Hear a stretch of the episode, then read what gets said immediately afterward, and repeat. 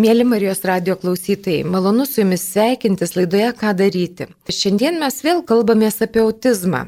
Kartais gali mums atrodyti, jeigu mes neauginame vaikų su raidos sutrikimais, su autizmu, mes nelabai ką turime čia bendro ir gali mums būti kaip ir neįdomu. Bet aš noriu Jums pasakyti, kad šalia mūsų gyvena tos šeimos, kurios augina vaikus su autizmo spektro sutrikimais, su raidos sutrikimais ir kad mes būtumėm jautrus kaimynai, krikščioniški kaimynai, tiesiog draugiški kaimynai, supratingi kaimynai, gebantis ištiesti kartais pagalbos ranką, kartais, kad galėtų į mus pasiremti, mums reikia žinoti, žinoti apie tų šeimų kasdienybę, nes ji tikrai skiriasi nuo mūsų, kurie auginame sveikus vaikus, kurie džiaugiamės sveikais anūkais, ta kasdienybė tikrai yra skirtinga.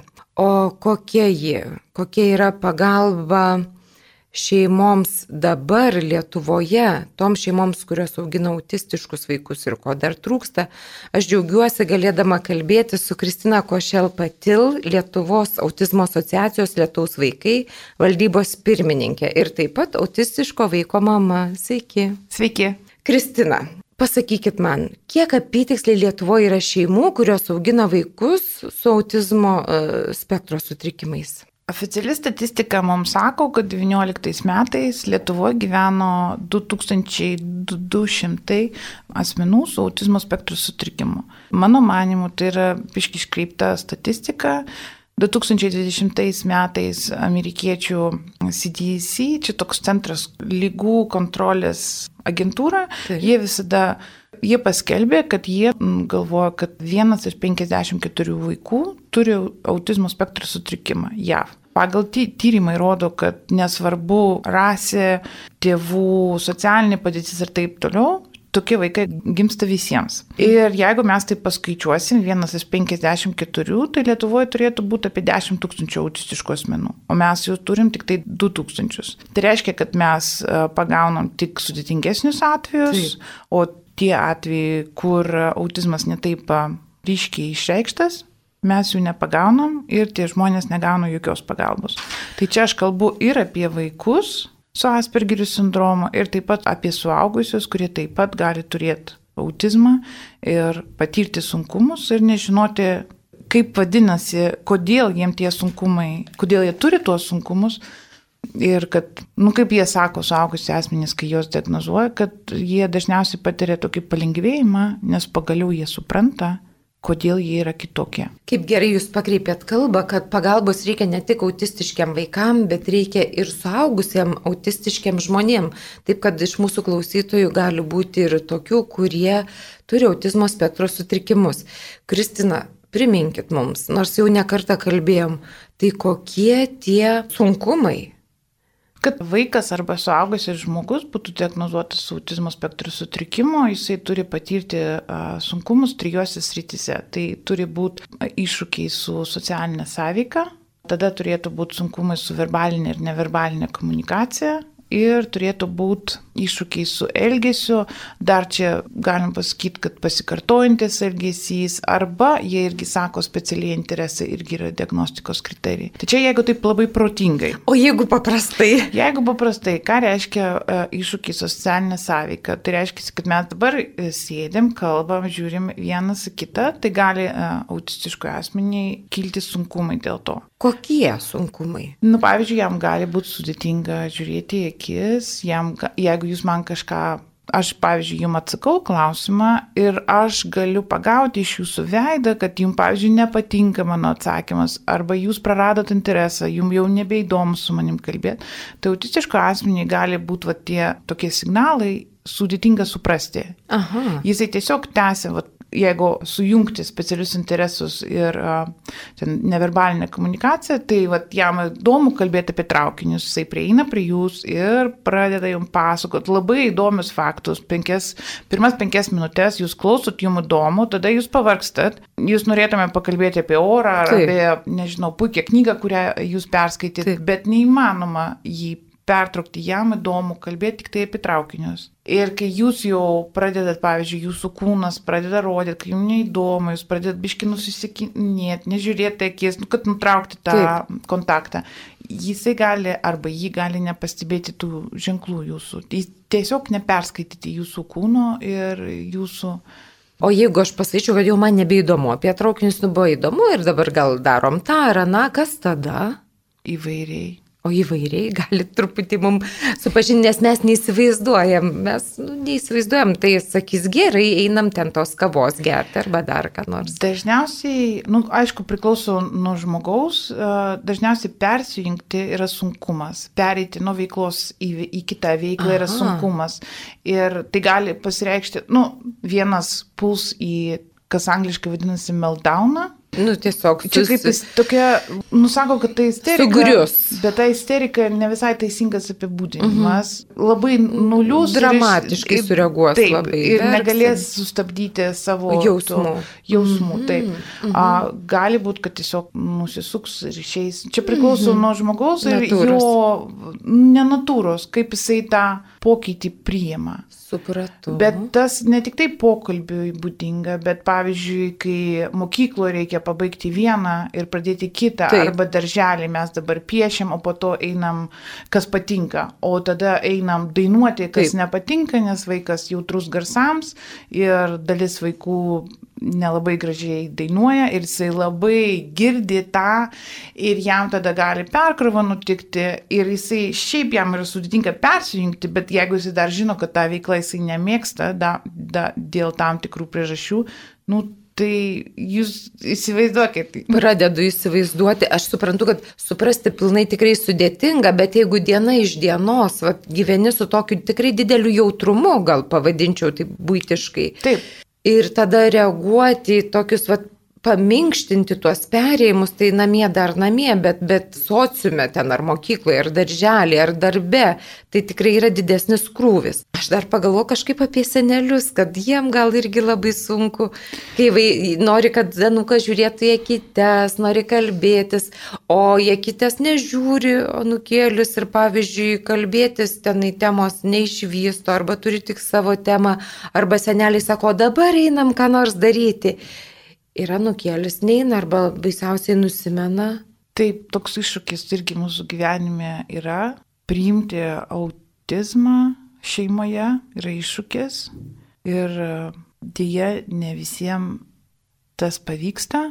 Turim bendruomenį šeimų, kur seneliai prašo nevežti autistiško anūką ar anūkės. Tai yra labai skaudi tema, ta socialinė atskirtis, kurią patyrė šeimos ir tai ne tik ne tik tai ateina iš e, giminių, bet ir iš draugų.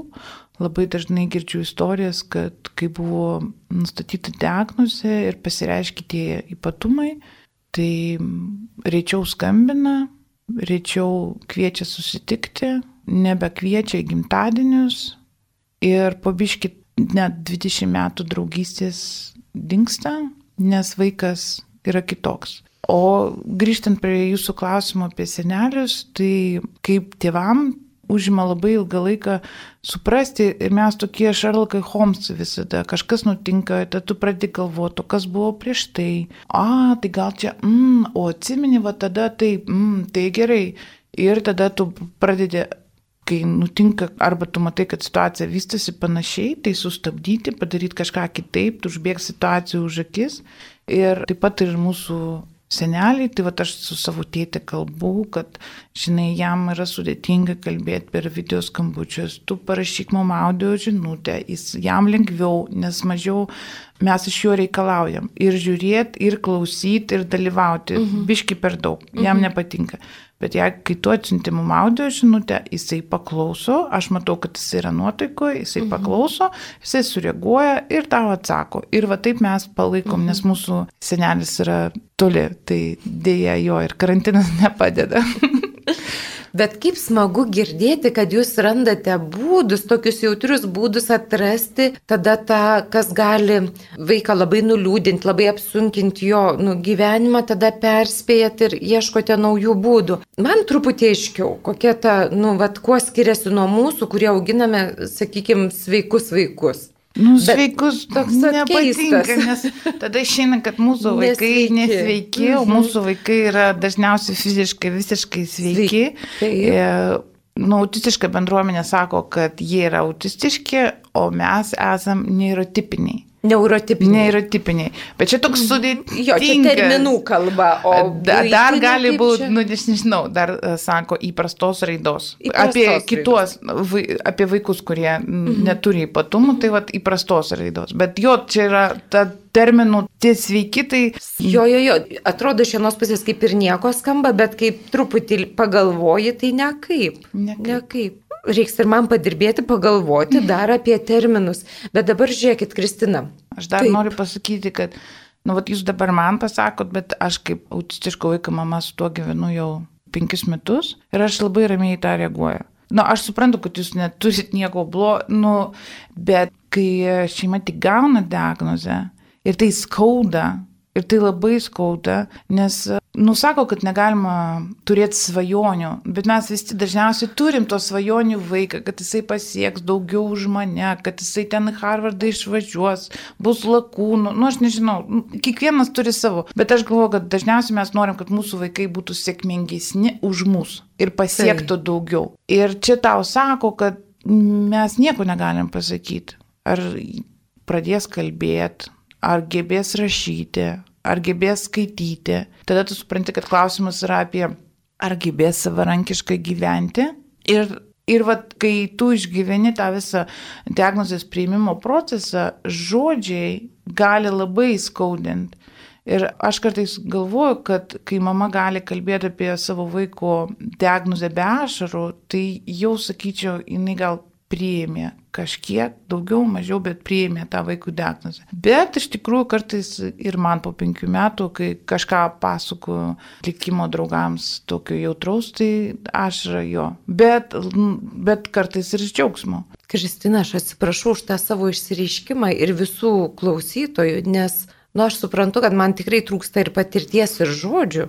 Kaip kalbėti tai ir net ne, ne, nesusimastai. Tai dabar vis tiek noriu paklausti, kuo gali padėti įvairios įstaigos, kokių specialistų, kokios pagalbos reikia, kad palengvinti ir tėvų, ir vaiko kasdienybę. Nu tai padalinkime vaiką ir tėvus, jo, tai ką, ko reikėtų vaikui. Taip. Vaikas po laukimo atsigula į stacionarą, jį ištiria ir sako šeimai, jūsų vaikas turi autizmo spektro sutrikimą, e, tai yra viso gyvenimo diagnozė, jums reikia daug dirbti, tam, kad jam padėti. Jūs išeinat su penkiais lapais, išrašo, ten daug kas parašyta ir nu, jūs liekat su tuo viena, nu, arba dviese su vyru. Tada jums reikia pačiai susigauti, kur kreiptis, ką gauti. Jum, su jumis pakalba socialinė darbuotoja, sako, kad jūs galite kreiptis neįgalumo. Jūs jau užgirdot, kad jūsų vaikas turi viso gyvenimo diagnozę, dar jums sako, kad jūsų vaikas gali gauti neįgalumą Tai jūs taip dar gali, toks smūgis, dar vienas, jo, jūsų vaikas, va, čia grįžtant prie mūsų pokalbio taip. apie sveikas, nesveikas, tai jums sako, jūs galite kreiptis neįgalumo ir gauti pinigus. Ir jūs tada suprantate, kai jūsų vaikas neįgalus, tai čia dar toks ir mūsų visuomeniai dar tas neįgalumas, neįgalus turi tokios stigmos. Ir Taip. aš kreipiausi neįgalumą gal po metų. Nes pirma mano reakcija buvo atmetimas, kad mes susitvarkysim patys ir mano vaikas nėra neįgalus. Tai va, tai tada uh, jūsų vaikas turėtų savo ūkdymo įstaigą gauti daugiau pagalbos. Ir tai atrodo paprasčiausiam kelias, nes jūsų vaikas kasdien eina į ūkdymo įstaigą. Jų tada tėvai gali dirbti, o vaikas gauti visą pagalbą. Tai jisai eina į savo grupę, bet jį paima specialistai, yra sukurtas ten planas, pagal kurį, ką, kokie mūsų tikslai su šito vaiku, ką mes darom, visa komanda dirba, jeigu yra iššūkis, komanda susirinka, aptaria, ką mes galim padaryti, kodėl taip nutiko, ką mes galim padaryti kitaip. Ir va taip pat vaikas ugdosi ir mes jam padedam. Čia jūs kalbate apie darželius ir mokyklas? Taip. O tada mes turim tėvus. Tai tėvai, šiaip aš sakau, kad tai yra smūgis, bet yra šeimų, kurie sako, kad e, aš kai išgirdau diagnozę, man palengvėjo, nes aš žinojau, kad kažkas yra ne taip. Mhm. Visi aplinkiniai man sakė, kad aš klistu, kad berniukai vėliau pradeda kalbėti, kad man čia vaidenasi. yra nemažai tokių istorijų, bet noriu pasidžiaugti, kad jų vis mažiau. Ta prasme, kiek aš girdėjau pradžioj savo kelio ir kiek dabar vat, ateinančios šeimos, kai mes kalbam, iš ko ten, kada jūs įtarėt, koks būsų, buvo jūsų kelias, tai vad dabar jau um, greičiau tie tėvai eina pas gydytojus, prašosi ten į ankstyvą reabilitaciją tam, kad diagnoz, nu, kad sužinoti, ar kažkas yra, ar kažkas nėra. Tai va, tai tėvai sužino ir tada nu, gali tai būti, kad jie patyrė sunkumų. Tai jie turėtų gauti pagalbą, kaip tėvai. Psichologinė daugiau turite omeny. Taip, bet jie jos negauna. Kodėl? Aš, nu, aš galvoju, kad valstybė gal turi per daug reikalų, ar negaliu jums pasakyti, kai va onkologiniam skyriui aš žinau, kad su tėvais dirba psichologai. Tai kodėl su autistiškais nu, ir su kitais raidos sutrikimas vaikų tėva, tėvais nedirba, aš negaliu pasakyti. Mes su ministerija daug apie tai kalbėjom, kad reikėtų suteikti tėvam galimybę kreiptis. Jie sako, kad kiekvienas Lietuvos pilietis turi teisę į 10 nemokamų susitikimų su psichologu. Taip. Jo, bet e, mes praeitais metais darėm apklausą, tėvų sudalyvavo virš 300, tai galima sakyti, kad 15 procentų šeimų Lietuvoje ir 80 procentų iš jų teigia, kad jie niekada nebuvo informuoti, kad yra tokia galimybė kreiptis psichikos sveikatos centrą ir gauti psichologų konsultacijas. Bet tie likusi 20 dažniausiai sako, kad eilės buvo keli mėnesiai. Tai kartais tos pagalbos reikia greičiau. O rehabilitacijos centre, kuriame yra nustatinėjama nu, ta raidos sutrikimo ten e, sudėtingumas ir panašiai, ar ten tėvai gauna kokį palaikymą? Ne. Aš suprantu, kad čia naujai suprasta situacija Lietuvoje palyginus. Nu, taip, Galima taip teikti. Kadangi Lietuva buvo Sovietų sąjungoje ir Sovietų sąjungoje tas autizmas nelabai buvo nežinomas, nežinomas buvo, nors iš tikrųjų dar 29 metais sovietinė psichiatrė Grūnė Suchareva prašė atvejus autistiškų vaikų. Mhm. Tada 43-ais Leo Kanaris, 44-ais Hansas Aspergeris aprašė ir nuo to vakaruose prasidėjo autizmo istorija. Tai mhm. va, aišku, jie pradžioj, kadangi Leo Kanaris straipsnis e, buvo prieinamas ir tada jie pradėjo gaudyti tos sudėtingus atvejus, bet jie jau, nu paskaičiuokim, 80 metų gyvena su autizmu pirmas autizmo prieimimo menuo Amerikoje įvyko prieš 50 metų. Lietuvoje pirmie autizmo atveju pradėjo, nu, buvo diagnozuoti 90-ais. Didžiulis skirtumas taip, ir taip. kai aš sakau, kad Amerikoje įvyko autizmo supratimo menuo 70 metais, tai mes turim suprasti, kad jau buvo tėvų bendruomenė, kurie jau sukylo ir pradėjo kariauti už savo vaikų teisės. Ir tai, ką dabar vakarai pasiūlo mūsų vaikams ir uh, autistiškiams suaugusiems, tai čia tėvų pastangos. Bet tos pastangos jau jie pradėjo prieš 60 mhm. metų. Kristina, jūs man papasakot va tokį, kad ugdymo įstaigose vaikai gauna nu komandinį tokią pagalbą. Turėtų. Kad turėtų. Tai reiškia ne visada gauna.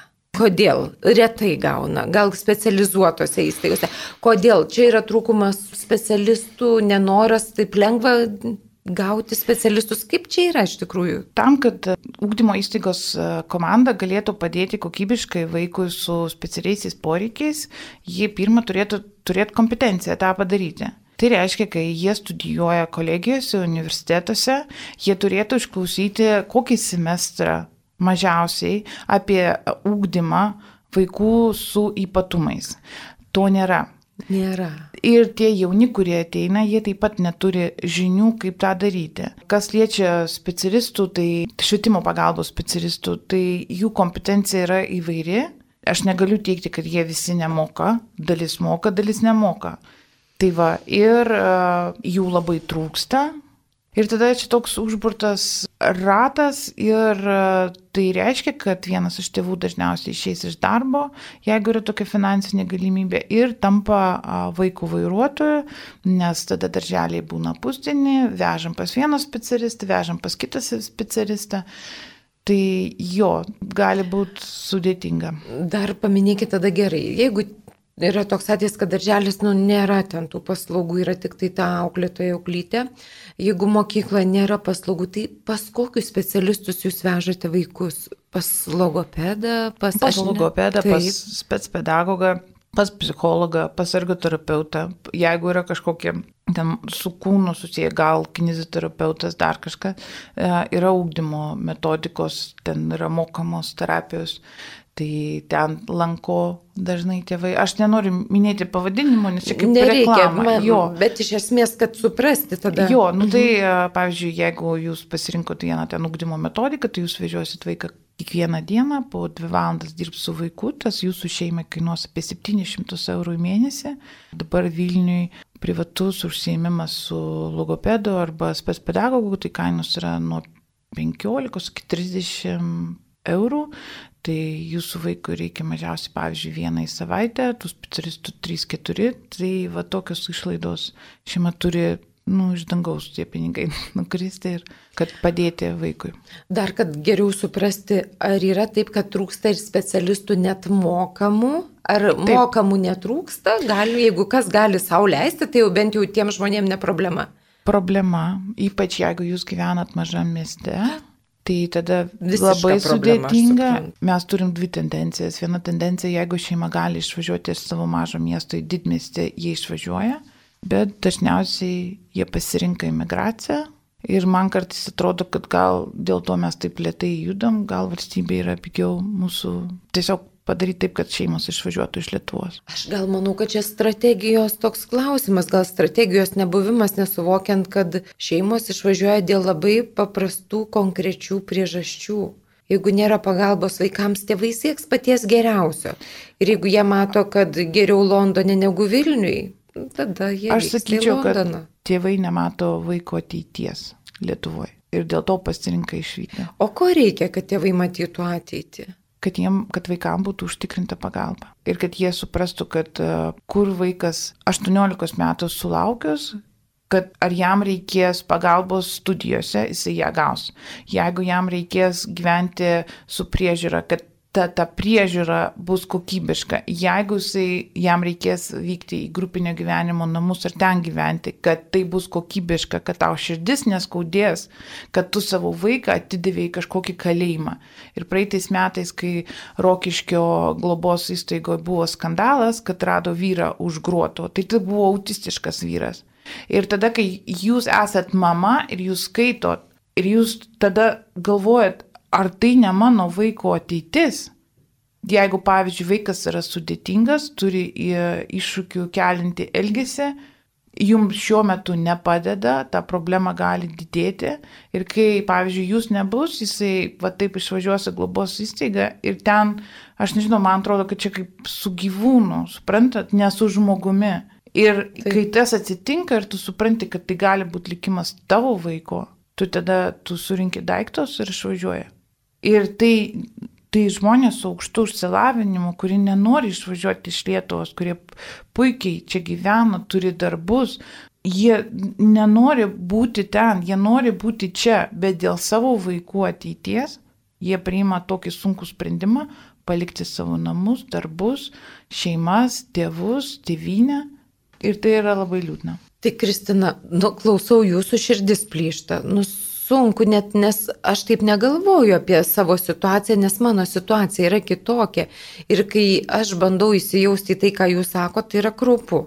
Bet dabar noriu pasakyti dar, kalba vis tik eina, kiek aš suprantu iš jūsų apie tai, kad vaiką nuo mažumės lydėtų pakankama pagalba, kad būtų ta komanda - logopedas, psichologas, specialus pedagogas, kuris žinotų, kaip lavinti tą vaiką.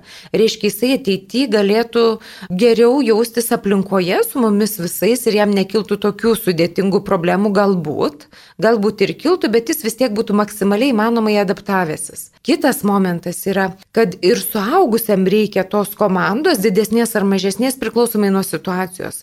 Didžiausia pagalba galbūt būtų tie gyvenimo, bendro gyvenimo namai ar kažkaip nu, pavadinti, kur žmonės, kuriem reikia tokios pagalbos, jie turi visą reikiamą pagalbą ir tai yra įmanoma eiliniam tėčiui, eiliniai mamai, kad tas vaikas atsidurtų tokiuose namuose. ir tėvai jaustųsi oriai, ir tas jų suaugęs vaikas jaustųsi oriai. Ir turi savo gyvenimą. Tas vaikas turi savo gyvenimą. Autonomišką ne... gyvenimą, nepriklausomą nuo tėvų. Taip. Gerai, tai šito yra pirmie žingsniai Lietuvoje. Taip. Na, aš manau, kad tikrai yra. Nes aš kaip pagalvoju, prieš tai, kas buvo, vis tiek nesakykit, nu yra šuolis taip, padarytas. Yra, yra šuolis, aš taip. Bet jis toks nedidelis, kad reikia daug, daug daugiau. Mes turim, pavyzdžiui, ankstyvą reabilitaciją, tai paslauga, kurią mes gaunam iš sveikatos sistemos, bet tai yra 40 valandų į metus. Mūsų vaikam reikia kad kas savaitę su jais dirbtų, suprantat, ne 40 valandų. Tai taip yra eilės į tas stacionaras, kur diagnozuoja sumažėjo labai puiku. Mes turim šaunių specialistų. Aš norėčiau juos klanuoti ir tada situacija su autizmu Lietuvoje pasikeistų dramatiškai, pagerėtų. Tai va. Kristina, gerai, nu, valstybės ratai lietai sukasi, bet mes esam kaimynai, mes esam bendruomenių nariai, galų gale žmonės mes einam į bažnyčią ir ten aišku vaikai elgesi tragiškai. Nežinau, kurie, kokie, bet jie daugiau mažiau per mišę sudaro įvairių sudėtingumų, pradedant močiutėms, baigiant nu, visiems, kurie atėjo. Pasakykite mums keletą patarimų, ką mes galim. Pavyzdžiui, mokyklose mūsų vaikai mokosi tose pačiose klasėse. Ir autistiški, ir kiti raidos sutrikimai, ir vaikai, kurie neturi raidos sutrikimų. Tai ką mes galim geriausio tėvai padaryti, vat visi klausytojai, kaip mes galim palengvinti ir vaikų, ir mokytojų, ir tėvų dalę, nes tikriausiai kažkaip galim. Priimti. Kaip? Neatstumti. Kaip? Mus gazdina, pažiūrėjau, kažkoks elgesys. Paklausti. Ten... Mhm. Paklausti. Nu, kas vyksta, pavyzdžiui, jeigu, jeigu jūs parduotuvį matot kažkokią neįlinę situaciją ir e, jūs labai norit padėti, tai prieit prie suaugusio ir paklausti, ar jums reikia pagalbos. Neiti prie vaiko, mes nežinom, kas vyksta, kas buvo prieš tai, kaip jis sureaguos, jeigu mes įsitrauksim, negazdint policiją ir mūsų šeimos turi įvairių patirčių. Ir e, kartais ir vaikų aikštelė, kai vaikas, nu, kitaip elgesi. Nu, pavyzdžiui, jisai gal, o kaip vaikas elgesi autistiškas, pasakykit, mums tas suteiks daugiau tokio žinojimo. Jisai gali, pavyzdžiui, kažkokį pasikartojantį judesius daryti, plasnuoti mhm. rankom labai dažnai. Mhm. Jisai gali nesuprasti eiliškumo, pavyzdžiui, kad reikia palaukti ir tada ten tavo ir dar kažkas. Ir e, mūsų tėvai dažnai sulaukia labai piktų komentarų. Blogai auklėt vaikus. Su savo žvėriuku lik namuose. Ir e, tada yra šeimų, kurie pasirinka eiti į aikštelės vėlai vakare arba iš visų neiti neiti su vaikais į parduotuvę, nes jie bijo, nes jiem yra jau neįmanoma girdėti aplinkinių reakcijos. Ir tai tas socialinė atskirtys e, tėvų, tai kartais tragiška. Kristina, padėkit Taip. man. Įsivaizduot, parduotuviai visi ten pavargę, aišku, per pandemiją ten mūsų mažiau, bet vis tiek. Nu ir sakykim, gal ir iš seniau situacija, nu ateina mama su vaiku ar tėtis su vaiku, turi autizmo spektro sutrikimą, vaikam nereikia nei autizmo spektro sutrikimų, kad jie kažką padarytų ne taip parduotuviai. Nu ir, sakykim, užsikirto tam vaikui kažkas, nežinau, garsas, ar ne? Kas ten dar gali jį, daug labai įspūdžių aplink kažko negalima. Nu, bet vis tiek vaiką kažkaip reikia į tą parduotuvę kada nors atsivesti. Ir štai prasideda. Ir, ir tas vaikas, nežinau, ar krenta ant grįždų, ar jis garsiai rėkia, ar jisai verkia nesuvaldomai. Ir mum, vat, žmonėm, kur nesame tėvai, nu, vieni apeinam, ten atatupsi gal kaip nors susitvarkys, kitus nervuoja labai, nes, nu, po galais, kas čia vyksta. Tai te, kaip dar kartą, tai mes turėtume tėvus atpažinti ir pasakyti, ar reikia jums pagalbos. Taip. Bet intonacija turi būti rami. Taip. Nes tėvam jau yra irgi baisu patiem. Taip, baisu.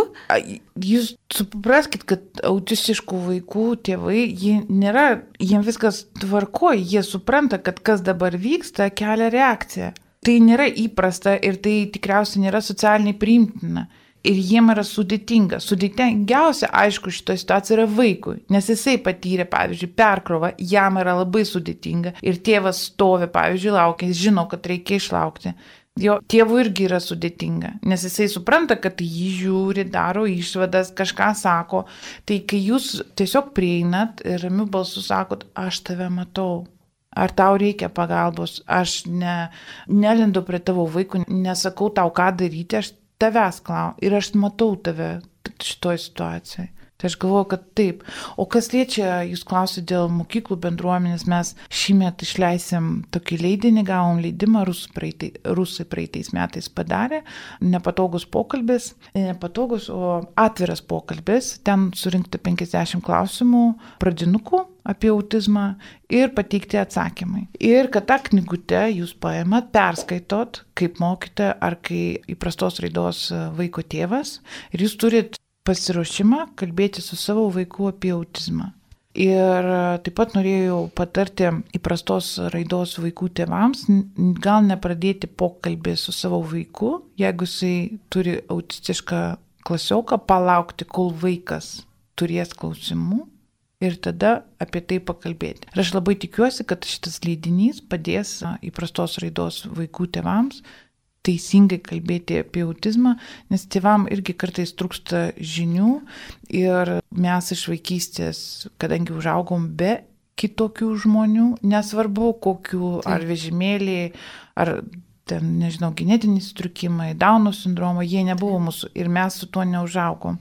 Ir kol va dabar mūsų vaikai užaugs su kitokiais ir tai bus normalu būti kitokiu. Kaip gerai, kad jūs leidžiate tą leidinį. Aš manau, kad tai yra didžiulis palengvinimas, pradedant, kad galės naudoti ne tik tai tie vaikai, bet ir seneliam bus gerai pasižiūrėti. Nu visiems mums bus gerai pasiskaityti, tai tik tai būtinai informuokite, kada jis jau atsiras, kad mes visi galėtumėm žinoti, visi galėtumėm paskaityti ir truputį jautriau suprasti. Bet to, Kristina, aš manau, kad jūsų pavyzdys, kai jūs pasakėte, pažiūrėjau, parduotuviai, kad labai ramiai prieiti prie to tėčio. Tai jeigu, aš suprantu, jeigu aš susinervinau, geriau prie to tėčio ir ir neiti, ar mamos, kurio vaikas ten kažkaip jau, jau, jau nesivaldo. Bet jeigu mes esam tokie brandus, kad galime ramiai prieiti prie to tėčio ir paklausti, ar jums reikia pagalbos. Ir tada išgirsti atsakymą ir tada jeigu tėtis ko prašo padaryti, o jeigu prašo nieko nedaryti, nedaryti, tai būtų didžiausia pagalba. Ir aš suprantu, tas pats galioja bažnyčioje. Taip. Tas pats galioja laiptinėje, kieme visur. Neteisti, kad kaip tu neauklėjai savo vaiko. Tu nežinai istorijos knygoj, nežinai, tu matai tik tai viršelę, dabar kas vyksta. Ir e, aš prašau, ne, nu, jūs nežinot, tai tiesiog turit resurso padėti, pasiūlykit pagalbą, neturit viduj, nesat ramus, jum piktą, apeikit. Geriau apeiti. Gerai. Kristina. Taip. Laidos laikas į pabaigą. Mes čia taip ir ten, ir ten, ir to, ir to apkalbėjom. Aš manau, kad tas vis tiek ir man pačiai padėjo truputį labiau orientuoti situacijoje. O noriu jūsų paprašyti dviejų palinkėjimų. Palinkėkite tėvams, kurie augina ypatingus vaikus, ką nors ir palinkėkite mums, kurie mes auginame eilinius vaikus, ką nors ypatingų vaikų tėvams linkiu stiprybės ir pagalbos kelyje, o visiems palinkėsiu, kad pavasaris pagaliau ateitų. kaip žemiška, kaip tikra. O aš priminsiu, mėlyms Marijos radio klausytojams, kad visada ieškokit pagalbos. Jeigu nesuprantate, neteiskite. Nes labai svarbu jau geriau patylėti, negu bereikalo pasakyti piktą žodį. O dabar mes visi truputį esam labiau nervingi. O tiem, kurie galvojat, aš norėčiau padėti, Tai skambinkite man 86114 64704 Aš esu Violeta, 8614 64704 ir mes jūs nukreipsime į nedidelius mokymus ir sujungsime su šeimomis, kurioms gali reikėti jūsų savanoriškos pagalbos. Labai dėkoju, kad klausėtės, dėkoju Jums Kristina, laidą vedžiau aš Violeta Vitkauskinė iš Lietuvo šeimos centro. Sudė.